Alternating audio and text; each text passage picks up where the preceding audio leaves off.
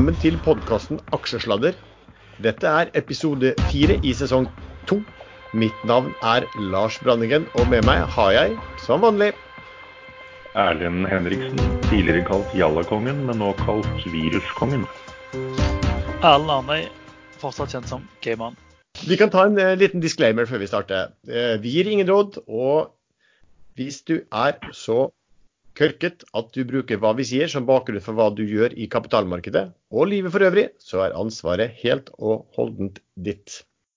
Da kan vi snakke om hva som har skjedd på markedet i siste. Hva har dere gjort siden sist, mine herrer? Um, jeg gikk uh, all in i cash i dag. Um, ikke fordi um, jeg nødvendigvis tror at, at, dette blir ille. Jeg tenker da på virus og, uh, og ringvirkningen av det. Men fordi det er helg, og det kan komme veldig negativ news, og det kan komme positiv news. Men jeg taper ikke noe på å ikke være med på den første delen av en oppgang etter en litt nervøs periode. Eh, så min jobb er å unngå å tape penger, og så får pengene tjenes når de tjenes. Jeg har som eh, Erlend eh, gått ganske cash. For to uker siden, når på en måte virusnyheten smalt, så solgte jeg store deler og vekta ned i, i, flere aksjer, spesielt de, de risikoutsatte. Nå har jeg kjøpt meg litt opp igjen, men jeg har fortsatt mye cash og har handla mye bjørneprodukter og og shorta litt faktisk den siste uka. Så det har vært en, eh, vært en spennende uke. Så la oss nå snakke litt om koronaviruset. Ganske imponerende. og Det er flere som har bemerket det, Erlend H, at når vi snakket om altså, Black Swan rundt nyttår, så var det her egentlig svært svært ukjent eh, for eh, 99 eh, i eh, aksjemarkedet. Men du plukket altså ut dette som eh, din potensielle Black Swan for 2020. og den, den ser jo hva skal vi si, dessverre ut til å ligge godt an nå. Dessverre. Men det er litt sånn jeg eh, jobber når jeg investerer i aksjer. Jeg bryr meg ikke så mye om uh, oppsiden. Jeg leter alltid etter worst case-scenario. Brukte bruker sikkert 80% av tiden på å se på worst case. Hva kan gå galt? Og når man har luket ut det, da kan man begynne å kjøpe. derfor leser jeg mye, også internasjonalt. og Tidlig i januar så plukket jeg opp noen meldinger fra Kina som var litt utenom det vanlige. Eh, og jeg tror ikke jeg hadde lest noe i Norge før jeg da 10. 10. januar var det vel vi hadde den innspillingen, eh, varslet om at dette kunne komme. Eh, dessverre så har jeg fått rett så langt. Det er verre enn SARS-utbruddet. Veldig mange flere bekreftet syke. Ikke like mange døde ennå, men det kommer til å være i løpet av et par dager. Det er det omfanget rundt det. Eh, byer som stenges ned fullstendig. Eh, folk stenges inne i leilighetene sine i byene. Familier som får én person slippe ut hver annen dag. I noen byer, hver femte dag. Dette er så spesielt at eh, jeg tror det er verre enn vi får høre om. Men, det underbygges av at alle andre land eller veldig mange andre land har stengt inngangen for kinesere fullstendig, eller folk som har vært i Kina. Ja, For, for byene som nedstenges, det, det, er, så langt er det kun visse byer i eh, Kina, eller hva? Det bor ca. 80 millioner mennesker i disse byene som er stengt ned. Ja, det tilsvarer et stort, stort europeisk land, for å si det sånn. Det gjør det. Men hvor står hvor står man nå i dag? Altså, man har da statistikk som kommer inn daglig, og mange folk som følger med på, som prøver å fange opp hvor mange eh, har blitt meldt syke fra dag til dag, og hvor mange er eh, døde fra dag til dag. ikke sant? Og, sånn For min del så, så har jeg jo skrevet en del i den eh, vi har, vi har en kanal på Ekstrainvestor som kan anbefales, som heter Koronavirus. Der man skriver mye og poster mye, diskuterer og også poster mye informasjon som kommer ut. Men det vi har snakket om der, er å se liksom på veksttakten. Altså om øke, øke vekst altså En ting er at antall sykdomstilfeller øker og antall døde øker, men er veksttakten avtagende, eller fortsetter den på det samme eller en, økende? Og den har vel... De siste tre dagene har den jo falt. Veksttakten har falt. Mm. Men usikkerheten er knyttet til om statistikken er korrekt, eller hva? Ja, absolutt. Det kan ligge døde leiligheter, og det kan være titusenvis som ikke er registrert syke, enten fordi det er milde syke, eller fordi de fremdeles er i leilighetene sine. Eh, de mangler jo testkit. Eh, det er ikke så lett å teste alle når man ikke har nok testkit foreløpig. Men det kommer jo fort etter hvert, så vil, dette, de tallene vil endre seg ganske kraftig.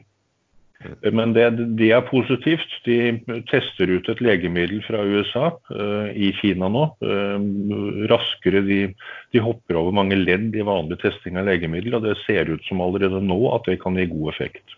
Så dette kan snu fra å være farlig i dag til å være helt ufarlig igjen om en uke.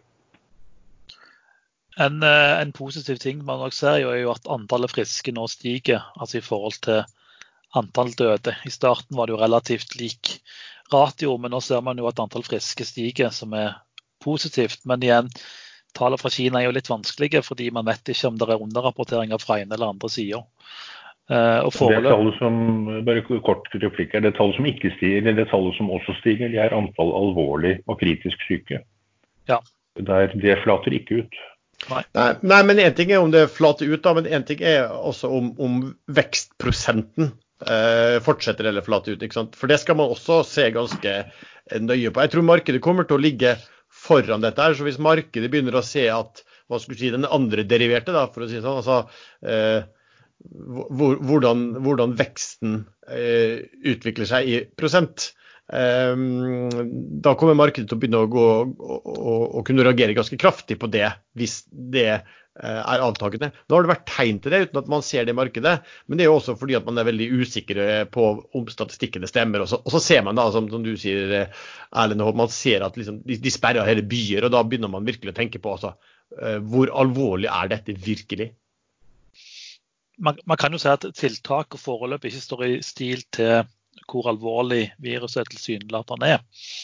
Men så er det jo veldig få syke i Vesten, så det er veldig vanskelig å si hvor hvor farlig det er. og Jeg, venter, jeg personlig venter litt på de vestlige tallene fordi de er mer pålitelige enn de kinesiske.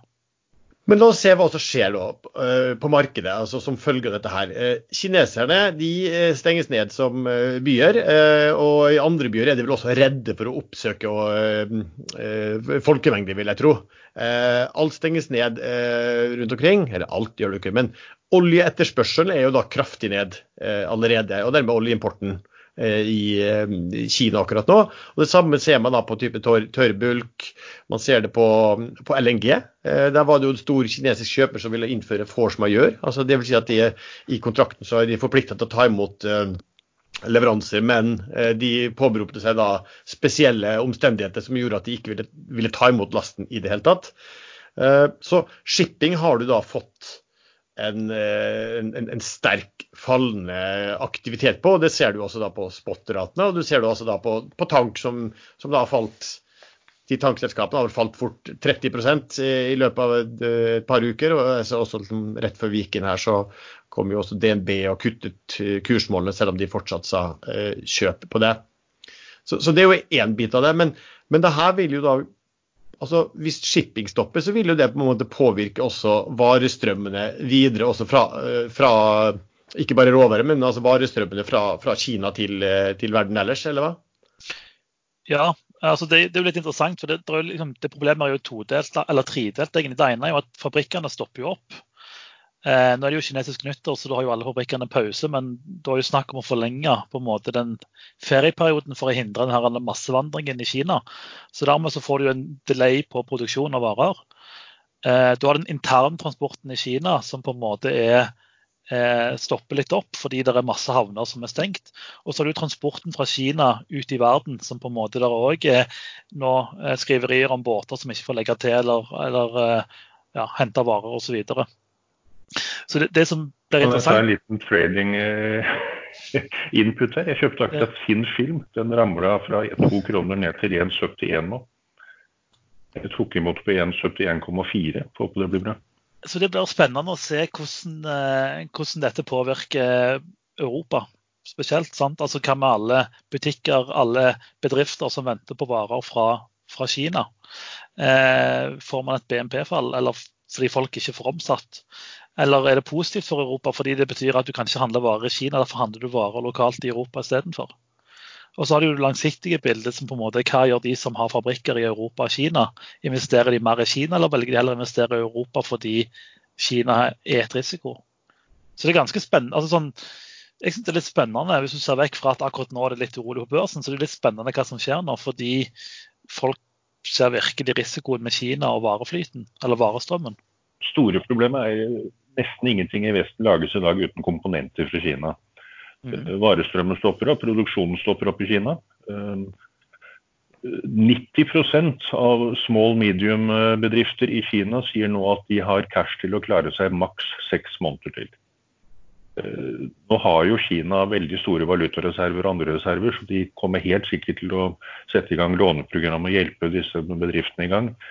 Men hvis dette varer en stund, hva er det da vi kan produsere i Vesten bortimot i det hele tatt? hvis ikke vi får komponenter til det som lages ferdig i Vesten. Peter Hermanrud var jo her da forrige uke. Han var jo da allerede på at man burde kjøpe krus, som han syntes hadde falt for mye. Nå vet jeg ikke hvordan, Det er jo ikke noe cruiseselskap på, på, Oslo Børs lenger, men det er det jo utlandet, så jeg vet ikke hvordan de har gått, har, har gått på denne uken. Det, det høres kanskje litt, litt tidlig når man ser hva markedet som har skjedd. Særlig når to, to cruiseskip er satt i karantene etter at han sa det. Jeg har, eh, jeg har, fulgt litt eh, på cruisebåtene eh, som en del av, eller på, på cruiseaksjene som en forberedelse til sendingen i dag. Og som Erlend sier, at det er jo to båter som ligger i, ligger i karantene. Den ene båten er det bare mer og mer smitta på. Så jeg vet ikke om jeg ville kjøpt cruiseaksjer ennå, men de har falt ganske mye. da. Så er, Du så liksom flyselskaper falt jo òg, men de har på en måte kommet litt tilbake igjen. Mens cruise, de ja, ja.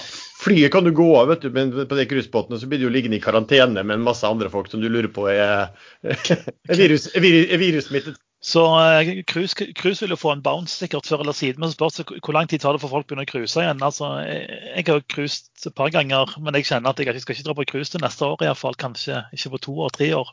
Så det, det spørs jo hvor lang tid de bruker for å få opp inntjeningen igjen. sånt. Ja, det, det, var vel det som var caset til Hermanrud. Det var vel at uh, han hadde sett på all, hva som hadde skjedd alle andre gangene, og det tok veldig få måneder igjen før, før cruisenæringen var helt opp som om ingenting hadde skjedd igjen. Så det her blir jo spennende da, på, på koronaviruset. Altså De som klarer å time det bra i forhold til når, dette her, altså når markedet begynner å se at dette her eh, gir seg. Eh, det er jo da som er tidspunktet for å kjøpe sannsynligvis en god del eh, shipping, vil jeg tro. Som har falt såpass kraftig på, på kortsiktige renter, da, rater, for å si det sånn. Så vi får se. Gressvik gikk jo konkurs i denne uken, og i dag så la eh, XXL fram tall også. Er det noen som har fulgt med liksom, hva XXL har meldt i, i dag, eller? Jeg så litt på tallet før i dag. Eh, vi diskuterte jo XXL ganske heftig på Ekstrainvestor sist uke. Da var vi flere som, det var egentlig to ting som gikk igjen. Det ene er at vi tror de skriver ned varelageret, og vi tror kanskje de må ha en emisjon. Eh, nå skriver de jo ned varelageret med nesten 400 millioner. Fra 3,2 milliarder til 2,8 milliarder, tror jeg. Når jeg ikke taler for meg, så kan jeg feil. Og så sier de jo at de skal starte et vanvittig salg eh, for å prøve å unngå emisjon. Og så skal de se på alternative måter å hente penger. Dette er jo han dagens sjef som sier. For han eh, Pål Vibe tar jo ikke over 1.4. Stemmer det. For de har, de, har, de har, rekruttert inn han som, vært, eh, som er fortsatt er sjef for uh, Europris. Han ja. skal gå fra Europris, og så blir han ny sjef i XXL. Og da skal, eh. det, ja, da skal det ryddes godt til han, og, eller når han kommer inn døren også, vil jeg tro. Så ser jeg òg at eh, han ene analytikeren i Danske Bank han er ikke betrygget av eh, presentasjonen og tror de må ut og hente penger eh, i emisjon. Ser jeg på DN akkurat nå. Så eh, det ser ut som eh, de som diskuterte på Ekstrainvestor gjerne hadde et poeng. At det logiske her er å skrive under varelager og hente penger, så får vi se litt hvordan de løser det. Jeg vil jo tro at han Pål, som er veldig flink, som kommer inn, har en, har en, god idé og tanke hvordan han løser det. Men det kan jo bli en kjip aksje å sitte i framover. En annen som hadde vært litt omdiskutert nå, eh, både i eh, media og inne på Ekstrainvestor og andre steder, det er jo da um, Aksjaktor. Eh, det som skjedde i Aksjaktor, var jo da én. De sendte da en en uh, tirsdag morgen ut en melding om at de hadde hatt en uh, ukjent beiler, en aktør, som hadde vært inne og gitt det de kalte en expression of interest, som hadde fått gjort en, en due diligence av selskap. Dvs. Si at gå inn og se på bøkene deres for å se eh, hvor gode eh, så, hvor, hvor, god, hvor, hvor fordringene disse, de hadde, sannsynligvis, eller det, det mesteparten går på. Og så konkluderte denne aktøren med at ja, ut ifra dette så, så indikerte de en tilbudspris på 22 kroner per aksje. Um, kunne de by. Men der da aksjeaktor meldte at de hadde avslått det, ettersom ja, det sto bare ulike forhold der under at de antok at den aktøren ville bruke for lang tid. Og så gikk da um, toppsjefen i aksjeaktor Ragnes ut i Finansavisen da på onsdag han ble vel intervjua på samme dag, på tirsdag, som de sendte meldingen, og, og, og sa at en budgiver da var en velkjent eh, private equity-aktør, og at tilbudet ble raskt avslått av styret fordi det var for lavt. Samme dag etter børsslutt så meldes det da at Aksjaktor skal gjøre en emisjon, eh, der de da endte opp med å hente 525 millioner kroner til kurs 1725 skulle emisjonen skulle gjort, bli gjort for å finansiere vekstmuligheter. Og Jon Fredriksen, altså via Geveran, som han bruker som investeringsselskap, tok 40% av emisjonen. Han eide da 28% fra før. Så var jo da spørsmålet opp Var dette her veldig merkverdig å melde at du hadde hatt interesse fra en aktør, eh, og skryte at den, og, at, at du, og, og si at du avslo det fordi at prisen var for lav? Eh, og så går du rundt og gjør en emisjon eh, noen timer etterpå. Hva, hva, tenker dere om det? Nei, Jeg er helt enig som deg, at det virker jo veldig rart. Nå mener jeg jeg leste i går at det her PE-fondet egentlig fikk avslag tidlig i januar eller i desember. At det på en måte ikke var dagen før de på en måte gjorde emisjonen. Men jeg klarer ikke å finne den artikkelen akkurat nå. Men jeg syns det virker litt sånn eh, litt spesielt, for å si det mildt. Ja, altså, han, uh, Tor Kristian Jensen, som er en kommentator i Dagens Næringsliv, som gjerne liker å skrive og skulle si uh, ja, litt omdiskuterte artikler, skal vi si det sånn. Han er god på clickbait, men han har nok mye lesere òg, for han skriver en del bra. Ja. Han skriver i alle fall at, om dette her at triksene er så cowboy at man skulle tro det var en episode av Exit. Altså, de det han da uh, reagerte på, skrev at hvorfor meldte ikke om Aksjaktor om det her tilbudet interessen da det kom i november i fjor? Eller han skrev om budet da det kom i november i fjor, men først etter at det ble avslått denne uken. Og han mente at ved å melde om det avslåtte budet dagen før, så fikk man opp kursen i forkant av emisjonen. Og det var en emisjon som måtte ha vært planlagt en god stund. Og han skrev liksom at man trenger ikke være Elon Musk for å si at årsaken til Tregheten trolig vært at P-fondet har vært på besvimelsesrand etter å ha fått innsyn i tallene i due diligence-prosessen. Ja. ja. Hvorfor, eh, hvorfor, skulle Fredriksen, som vel eh, sitter i styret, eller hans selskap sitter i styret i Aksaktor, pushe kursen opp før han tar 40 av en emisjon? Korrekt. Jo, altså Jeg har jo sittet i børsnoterte selskap selv som har fått da indikasjon og, og indikert eh, prisbud på, på, en asset. Og det er jo ikke sånn at du, du bare kan eh, løpe til børsen og melde med en gang noe er inter, interessert i noe. Altså, sånne diskusjoner foregår jo hele tiden. Eh, du må også vurdere om er det noe som er sannsynlig at man, man kommer fram til på noen ting. Og det er også sånn at det kan godt være å at denne da, aktøren som var interessert, sa at vi vil inn og se på bøkene. Men hvis dere skal begynne å børsmelde at uh, det er en aktør inne og ser på det, da er ikke vi interessert. For ingen vil jo ha masse konkurranse rundt der også. Du vil jo liksom sitte i fred og ro og få gjøre, få gjøre dine ting. Så, og dessuten så står det jo da sånn altså, Hvis Jensen skulle ha et poeng, så burde jo da ledelse og styre i Aksjaktor vært haua inn eh, på dagen eh, for markedsmanipulasjon. Det er jo, det er jo straffbart. Fordi at I, i børsmeldingen så står det faktisk at de fikk et indikert bud etter due. Eh, Jensen skriver jo at, uh, at, dette var helt åpenbart at den, den, den aktøren trakk seg etter due diligence. Mens selskapet også har meldt over børs at de har fått indikert bud etter due diligence. Og så er det jo da slik at, eh, at Oslo Børs har helt sikkert vært informert om hva som har skjedd der. Man har ofte sånn underhånd med Oslo Børs og forteller hva som eh, foregår, for å, for å prøve å ha en liksom, dialog om eh, når, eh, det, når, ting må meldes. Og så er det jo da ditt veldig gode poeng Erlend, at Fredriksen kjøpte altså 50% mer i emisjon enn sin andel. Så han hadde jo absolutt ingen insentiv til å snakke kursen opp. altså Tvert imot. Eh, jeg tror faktisk at jeg stjal det poenget fra et innlegg du skrev på Ekstrainvestor. Det har hørt... ha, ha for den. OK, takk. Det hørtes ut som et veldig bra innlegg. Nei, men altså, det, det, det, er jo enkelt matematikk. det da, at Hvis du, hvis du opprettholder altså hadde, han opp, hadde han tatt mindre, så hadde man vært mer mistenksom. Men for hans del så, så det ut som han svært gjerne ville bruke emisjonen til å skaffe seg en større eierandel.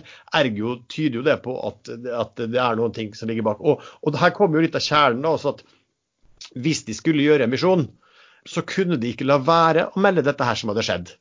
Fordi at Fredriksen, som du sier, eller nå, har jo folk i styret. Så han ville vært klar over det. Tenk hvis, tenk hvis da de hadde gjort emisjonen, de hadde ikke fortalt markedet om at de hadde hatt en, en, et, et, slags en foreløpig bud eller indikativt bud inne. Så hadde de gjort emisjonen, Fredriksen hadde overtatt seg, og så hadde det gått en måned. Og så hadde det kommet bud, og så hadde det kommet ut at Fredriksen-systemet visste om dette her, og, markedet ellers hadde ikke blitt fortalt det når de tegnet seg. Det hadde jo virkelig, virkelig vært innsideinformasjon. Så, så det gikk jo selvfølgelig ikke an. Skulle du gjøre emisjon, så var de helt tvunget til, til, å melde den meldingen som ved første øyeblikk så litt merkelig ut. da. Men Fredriksen han har rett over 30 nå. Er det det som er i aksjefaktor? Noe sånt, ja. Litt over 30% Han hadde 27, noen ting, og så han 40, tok han 40% av emisjonen, og så er han da på over 30 nå. Ja, Så er det på 33 han må komme med nytt bud på hele, hele driten?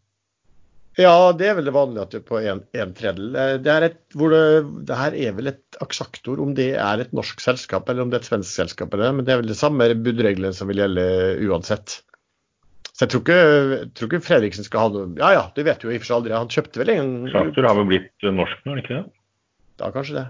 Jeg har ikke fulgt det så jeg har ikke fulgt det så veldig nøye. Men jeg har faktisk kjøpt aksjer i det etter at de kom med den nyheten her. fordi at nå kunne man jo kjøpe billigere enn hva Eh, Fredriksen eh, kjøpte.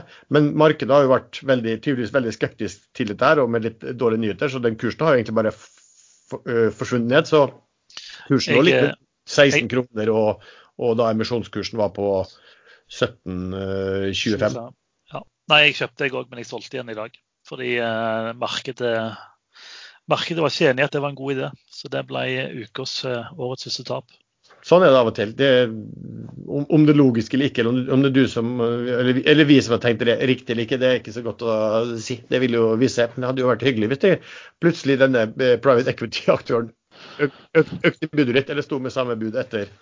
Det, det, er sikkert en del som er sure, i hvert fall, av større aktører. fordi at de henta tross alt en halv milliard, så, og, og da kom eh, ja, en 300 eh, mil utenfra fra andre enn Fredriksen. Og de er sikkert ikke veldig fornøyd med å tegne et eh, på 17,25 den ene dagen og si at det står på 16 kroner dagen etterpå. Nei. Tesla, der har det jo skjedd eh, saker. Hva, hva, hva, er det som har skjedd siden vi, vi, vi snakket om den og hvor mye den har steget? og Da var den jo gått over 500 for noen uker siden. og Hva skjedde nå? Nei, den eh, nådde jo 960 eh, dollar, var det ikke det vi fant ut som han toppa på, eller var det 970? Eh, før den falt eh, 100 dollar i, i slutthandelen samme dag. Eh, og har vært en relativt eh, spenstig trading-aksje den siste uka. Nå har jeg ikke helt eh, for meg hvor, hvor, lavt den var, men ja, det har vært mye penger å tjene for de som har hatt hodet kaldt og har tørt å shorte og, og kjøpt den, for å si det sånn. For de, for de som ikke har eh, shortet den fra to, 200 dollar et eller annet, eh, som, eh, som herr Sissener har gjort. Det må være hans dårligste tre noensinne.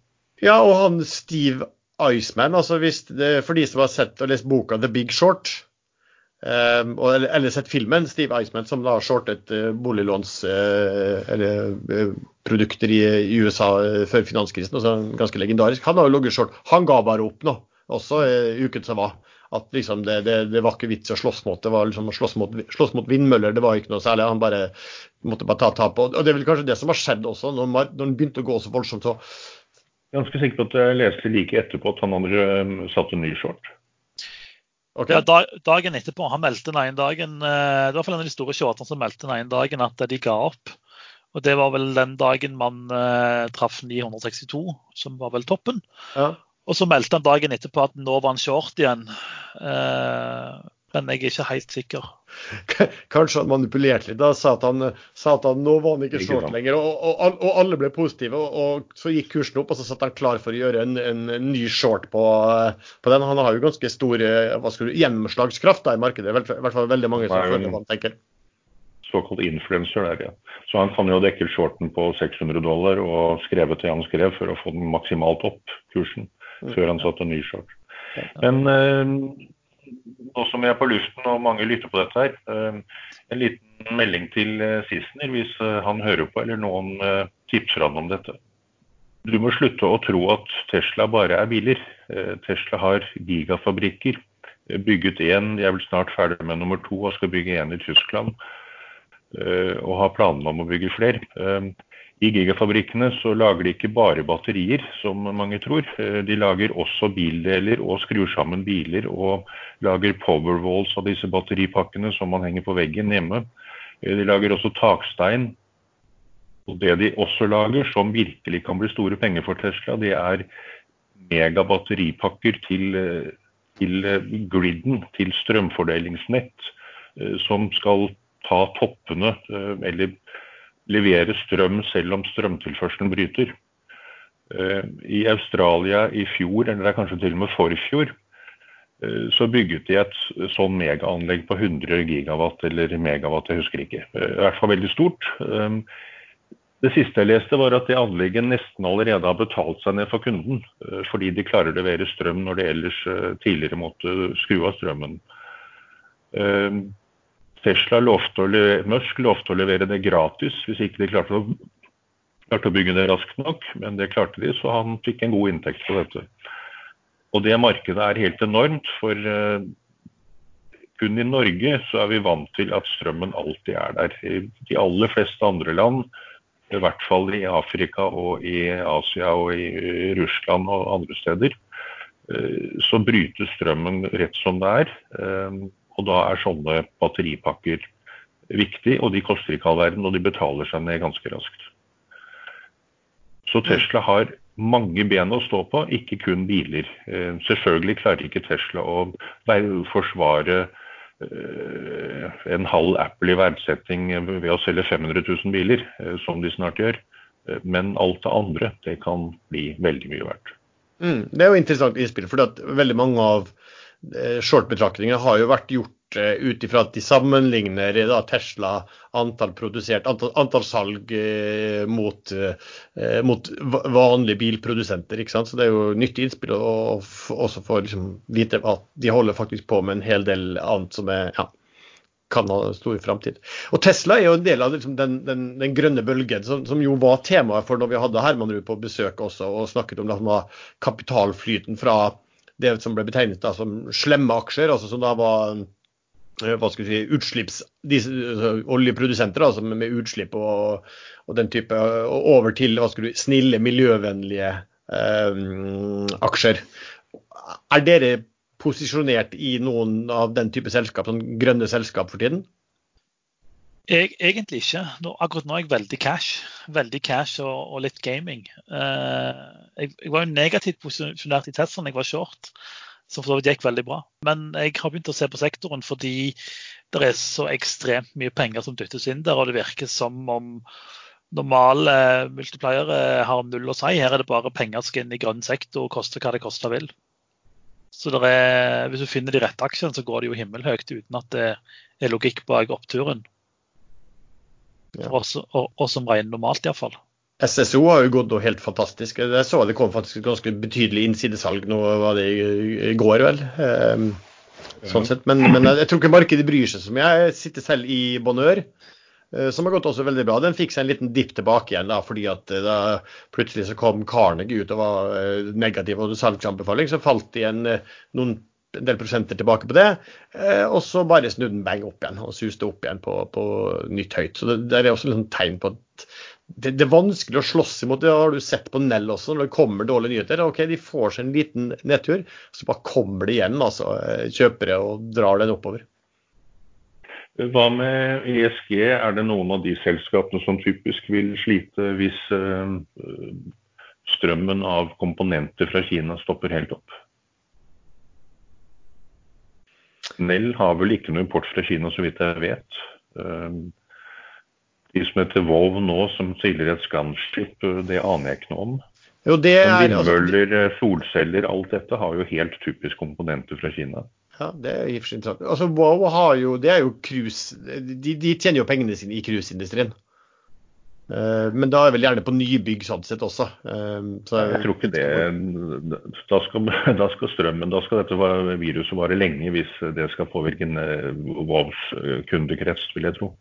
Ja, ikke sant. Fordi at det er de, de, de, de nye båter som allerede er bestilt. Også. De har vel sikkert litt på de eksisterende også, men, eh, men ja. Der, der, er jo båter i, bestilling, ikke sant. Så det er neppe noe sånn spesielt mye, vil jeg tro. Uh, Nell, det var jo litt interessant, for uh, Sparebank1 kom jo med en Nell-analyse nå for uh, ja, en dag siden. De, de doblet kursmålet fra 10 til 20.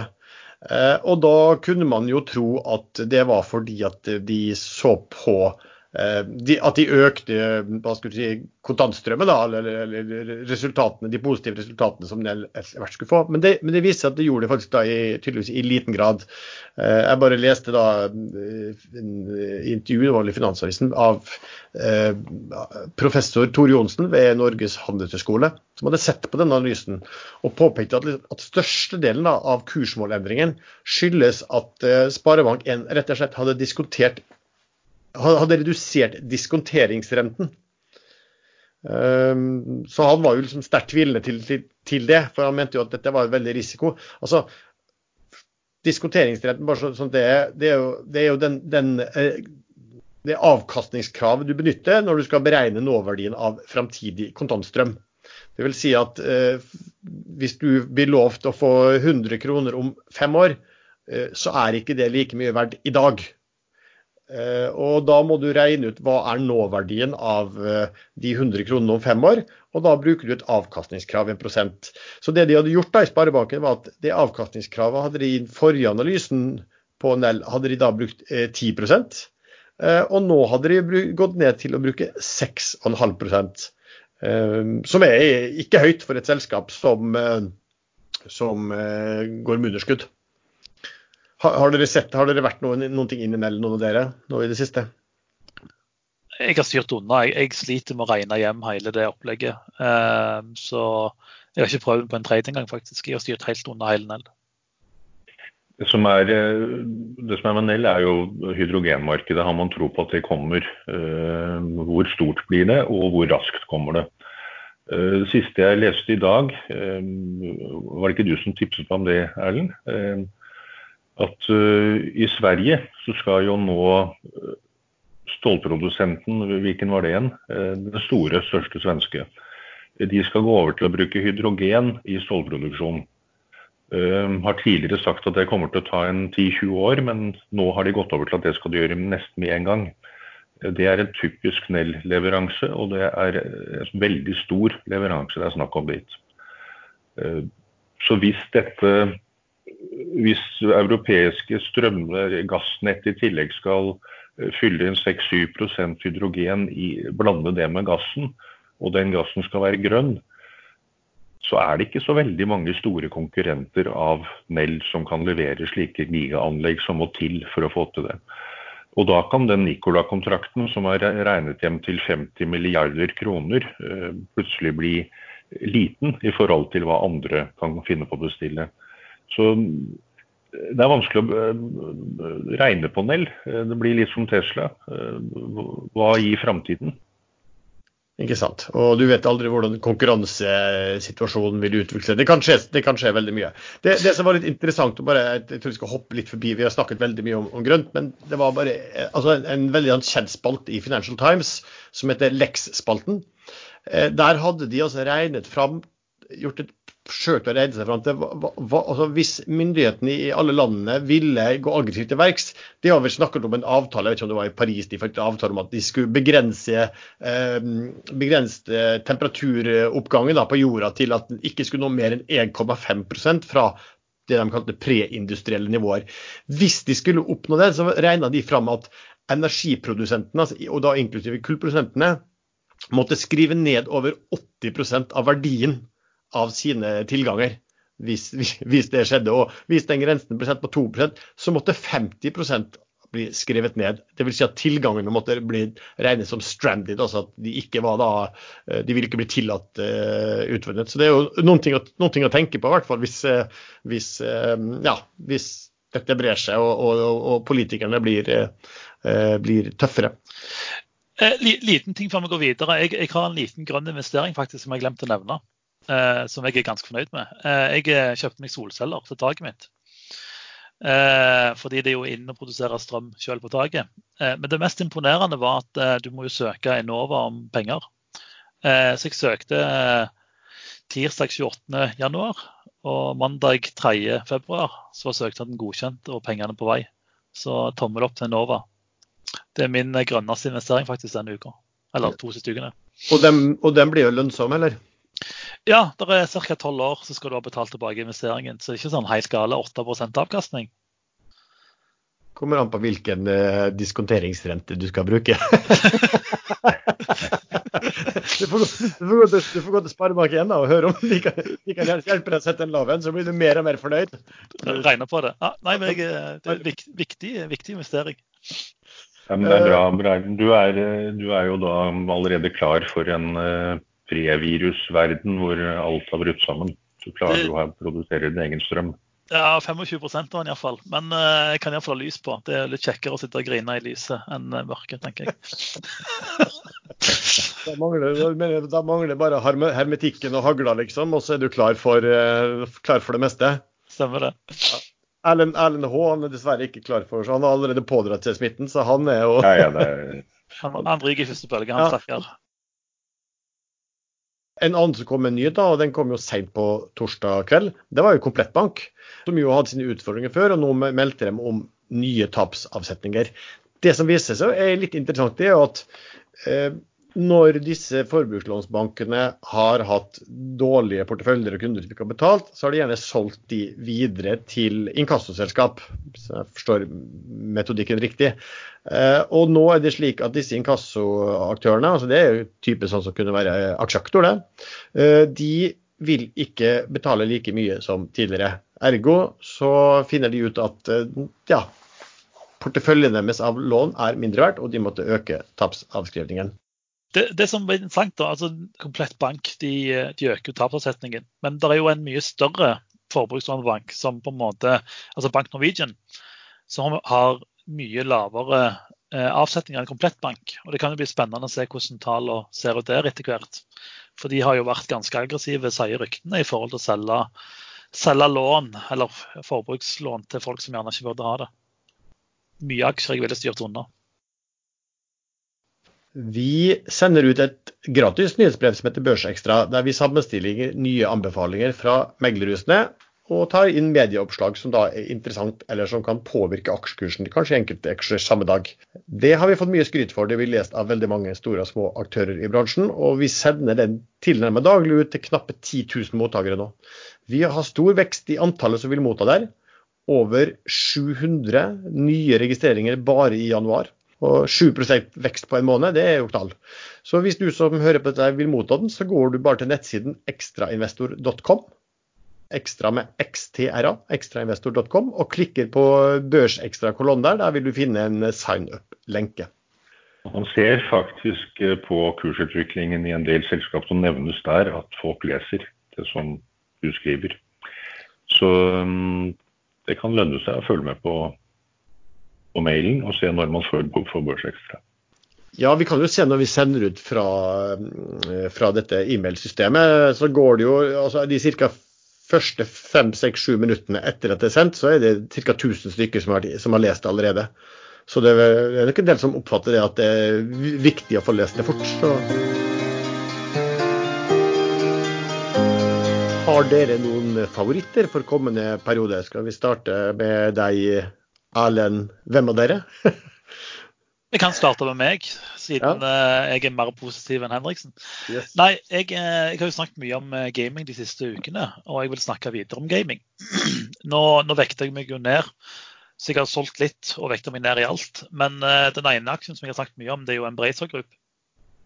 Der kom det jo en oppdatert analyse for to uker siden fra Pareto på 105 sekk. Den ligger på 81,20 i dag. Eh, der solgte jeg alt for to uker siden, men jeg har kjøpt meg inn igjen på ca. 80. De har et veldig spennende program med spill som slippes utover våren. Eh, og i slutten av eh, februar så skal de delta på en messe hvor veldig mange tror det kommer mer informasjon om de spiller. Og så har de jo snart Q4-tall om ca. Er det 14. februar eller noe sånt. Så, så den, den, er det mye, mye, mye potensial i fortsatt. Så snakket jeg jo om Remedy Entertainment, finsk selskap. Der solgte jeg alt fordi eh, koronaviruset ble, ble oppdaga i Finland. Den falt litt fordi finske børsen falt litt, eh, så det er jeg foreløpig ute. Men eh, den er òg spennende. Og så har jeg lille Sordix. Men, men Erlend, ja. vil ikke nå som folk holdes hjemme i, i Kina, i, og de er jo ganske gale på å spille, vil ikke spilleaksjer da få veldig mange flere klikk og brukertid enn de har hatt det siste? Jo, jeg vil eh, tro at eh, folk spiller mer. Men veldig mye av disse aksjene følger jo børsen. Så når børsen faller, så faller jo de òg, dessverre. Mm. Og Det ser vi jo spesielt på Embracer, som på en måte er det største spillselskapet i Norden, tror jeg, i, i MCAP. Det har på en måte falt i takt med den svenske børsen. Eh, selv om det har, har utviklet seg bedre, så det liksom, ja, det påvirker av segmentet. Eh, siste aksjen som jeg på en måte sitter i nå, er jo Sordix, eh, som er lite svensk spillselskap. Slipper to spill i slutten av måneden. Har falt litt tilbake, men jeg syns det er spennende og kan, eh, kan fort bli noen gode prosenter. Så det er liksom de aksjene jeg følger akkurat nå. Men jeg har 44,5% i cash, så jeg er ikke kjempetungt lasta. Erlend Henriksen, da? Uh, mitt tips uh, denne uken, det er cash. Det er mye aksjer som jeg er interessert i, men veldig mange av de kan bli voldsomt berørt av eh, stopp på komponenter fra Kina. Ta svenske Fingerprint f.eks. Eh, nesten alle kundene er produsenter i Kina. Eh, de må jo nødvendigvis få et veldig veldig mye lavere salg av fingerprintsensorer, i og med at produsentene ikke klarer å produsere akkurat nå. Men du, du, gjør, gjør, du noen ting i BR-produkter, Erlend H? Nei, jeg har aldri shortet, aldri gjort det. Jeg syns det er en eh, risiko som er ganske kalkulerbar. Så. Nå sitter jeg og venter på at eh, Tinn Film, som jeg kjøpte her i stad på snitt 1,75, skal komme til eh, et par øre lenger opp. Nå er den på 1,83,4. og Da er jeg ute, så da blir det noen vinflasker der i, til helgen. Jeg selger uansett før, før det stenger i dag. Uansett før vi får, for, uansett før vi får episoden ut. Nei, Tinn film, jeg kan jo nevne den. De har eh, de fikk belånt eh, produksjonsanleggene sine. Uh, har ingen inntekter, har aldri hatt det. Uh, påstår nå at de skal produsere, produsere temp hva var det for noe? Batterier. Tint filmbatterier eh, som sitt neste satsingsområde. Og Det markedet kommer til å bli eh, enormt. Det er allerede produsenter der. Eh, om sin film kommer til å bli en av produsentene som velges av kunder i framtiden, det er det ingen som vet. Det lånet de tok opp i høst, det må de snart betale tilbake. og Klarer de ikke det, så er det selskapet konk. Det, sel det, det, det, selskapet, det systemet, har jo vært flinke å fortelle mye historie før. men hva har sin film med kompetanse innen film med, med, plutselig å være en kompetanse innen å bli en batteriprodusent? Det mener jeg de skrev at de har noen partner uh, som de slår seg sammen med for å få den kompetansen inn. Ja, men Jeg så de skrev at de hadde en eller annen partner som de samarbeidet med, men det er liksom det er, For å være slem, da, så har jeg også sett de som har fremstilte Google som partner etter at de hadde kjøpt eh, reklame på, på nettsidene. Si sånn. de skriver ingen, nevner ingen navn, ingen tall, ingen, ingenting. Så det går jo ikke an å regne på. Ja, men de må jo ha inn penger, da, for å si det sånn. Det må de nok ha for å, ha det, for, for å få dette her til. Så da må de jo ut med hva, hva de egentlig tenker, og hvem de, ja, de skal ha med seg i så fall. Det kan jo bli spennende. Sven er jo ikke her i dag, men han uh, sendte oss en liten melding og sa at hadde han vært her, så hadde han ville, ville tatt opp en aksje, så da kan vi jo gjøre det på hans vegne. Uh, Northern Drilling, altså Noodle på børsen, Eh, fra det selskapet så skilte man da ut eh, riggene som jeg forsto hadde de, de, de, gode riggene som de som satt med kontrakter. Det er slutt et nytt slags good company som heter Northern Ocean, altså Null. Og Null er da notert på unotert-listen og skal inn på børs i, eh, etter jeg forstår, i ja, slutten av februar allerede, kanskje. Så nå tilbyr da, tilbys de som da sitter i Nodel, børsnoterte, å bytte aksjer til Null, slik at to Nodel-aksjer gir én null-aksje. Man får jo tunge krøller der. Men det også. Så nå vet jeg ikke hva kursen er nå, men jeg gikk rett før sending, så var Nodel på 14,3. Det betyr at to, um, for to Nodel-aksjer så skulle det bety at Null lå på 28,5. Men Null sto da, da på 35. Så det da Sven mente var at det gir mening å kjøpe to aksjer for til sammen 28,6 for å bytte det til noe som da prises til 35. Det kan, jo, kan man jo være enig i. Usikkert ligger jo selvfølgelig da i hvordan disse altså riggeaksjene, Nol-aksjene, skal utvikle seg eh, framover eh, mens det her bytteforholdet gjelder. Og Nol så også hadde falt da fra 38 til 35 i dag, så man skulle jo tro at dette bytteforholdet ville begynne å, eh, å, å, nærme seg. Og fra hvilken side, det er jo ikke da så godt å si. Men eh, Nol har vel også de mest moderne riggene i markedet, er det ikke det? De riggene som er kjørt over dit? Eh, jeg tror det er moderne rigger også. Og så er det vel fremfor alt rigger som har kontrakter, mens i Noddle så ligger det vel og eh, Jeg vet ikke om det ligger rigger der i det hele tatt. Det ligger i hvert fall noe som bygger kontrakter som de, de, kan eventuelt hoppe av, eller ja, litt sånne saker også. Jeg er litt usikker på hvordan det er. Her har jeg egentlig bare sett på det bytteforholdet som Sven eh, nevnte. Jeg har ikke gjort noe der, men jeg ser bare at det er fornuftig. Men at det, akkurat i dag så er det litt usikkert. altså det hadde vært lettere å regne på det bytteforholdet hvis null var mer likvid, da var notert på børs.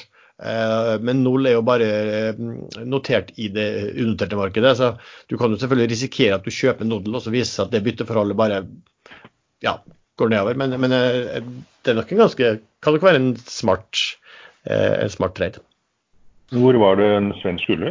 Cruise i Asia? Han har vel sikkert pådratt seg noe virus, han også. Satt, satt, satt, i karantene, tenker jeg. Usikkert. Kanskje du og han kan, eh, kan spille inn neste eh, sammen. Vi, vi, er jo heldige når du har virus, eh, da er det nå, så er vi jo heldige at vi, vi alltid bruker å spille inn fra ulike, fra ulike lokasjoner. Så det farligste her er vel, er vel, datavirus med det vi holder på med. Erlend, du hadde jo, Erlend, du hadde jo datavirus som din svarte svane. Ja jeg følger jo nå med på kinesiske nettsider på det engelskspråklige Global Times, og nå er det bortimot hvert tredje-fjerde innlegg på en Twitter-konto fra de her, det er om uh, datavirusangrep på Kina, hvor de bruker koronavirus uh, som inngangsport. Uh, muligens fordi, fordi her må det skje veldig mye veldig fort rundt dette viruset, sånn at de ikke har fått bygget opp brannmur. Jeg aner ikke. Hva tror du? Altså, Kina og India har jo sånn politisk greie hvor de ikke liker hverandre. så jeg, jeg tenker jo at når eh, Global Times, som da er CCP, altså kinesiske kommunist, kommunistpartiet sitt engelskspråklige propagandavåpen, så skal man ta det med en klype salt. Men man ser jo det samme i Norge òg. Altså, når skattemeldingen kommer, så bruker man skattemeldingen for å på en måte få folk til å trykke på linker. Altså, det er jo en, er en veldig vanlig måte å, å, å lure folk på. Sant? Du bruker det som aktuelt i media. Eh, det som var interessant, er jo faktisk det som skjer i USA. Altså Nå er det jo valgsesong i USA. Og det er jo ikke mer enn eh, to eller tre uker siden de, de ruller opp et helt eh, iransk nettverk av kontoer og, og, nyhetsmedier som prøvde å påvirke valget. Så jeg tror, det er, tror det er mer fokus på å påvirke valget i USA faktisk enn, enn noe annet for øyeblikket. Vi har altså i Ekstravester noe som heter XI Promo, der børsnoterte selskap kan eh, få presentere seg for titusenvis av investorer som er medlemmer og lesere i vårt system. Onsdag, Førstkommende onsdag, altså 12.2 klokka 14, så kommer teknologi- og rådgivningsselskapet Webstep ved CEO Arne Norheim kommer til et live og åpent video Q&A-event for å fortelle om selskapets utvikling og planer for 2020. Utspørrer er IT-analytiker Petter Kongsli i Sparebank1 Markets. Det eventet vil bl.a. gå live på Ekstrainvestors side på Facebook og i en gruppe på Facebook som heter Børsforum. Hvis du hører på det her før den tid, og du vil sende inn spørsmål til selskapet, som de da svarer på under sendingen, så kan du gjøre det til info.ekstrainvestor.com. Ja, mine herrer. Hva sier dere? Skal vi si oss uh, fornøyd nå, eller har dere noe annet dere har lyst til å ta opp mot slutten? Nei, jeg føler vi har prata gjennom hele lista. Det, det, nærmer seg helg. Det gjør det. Og, og Erlend skal feire, feire, sin film uh, uh, gevinsten sin med å drikke vin, er jeg forstått?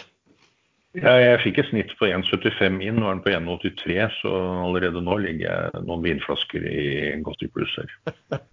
ja, men det er kanskje, kanskje, det, kanskje du finner ut at, det, at, du har, at en vinflaske er det som skal til for at du har knekket på viruset, ikke sant? Jo, det kan godt være.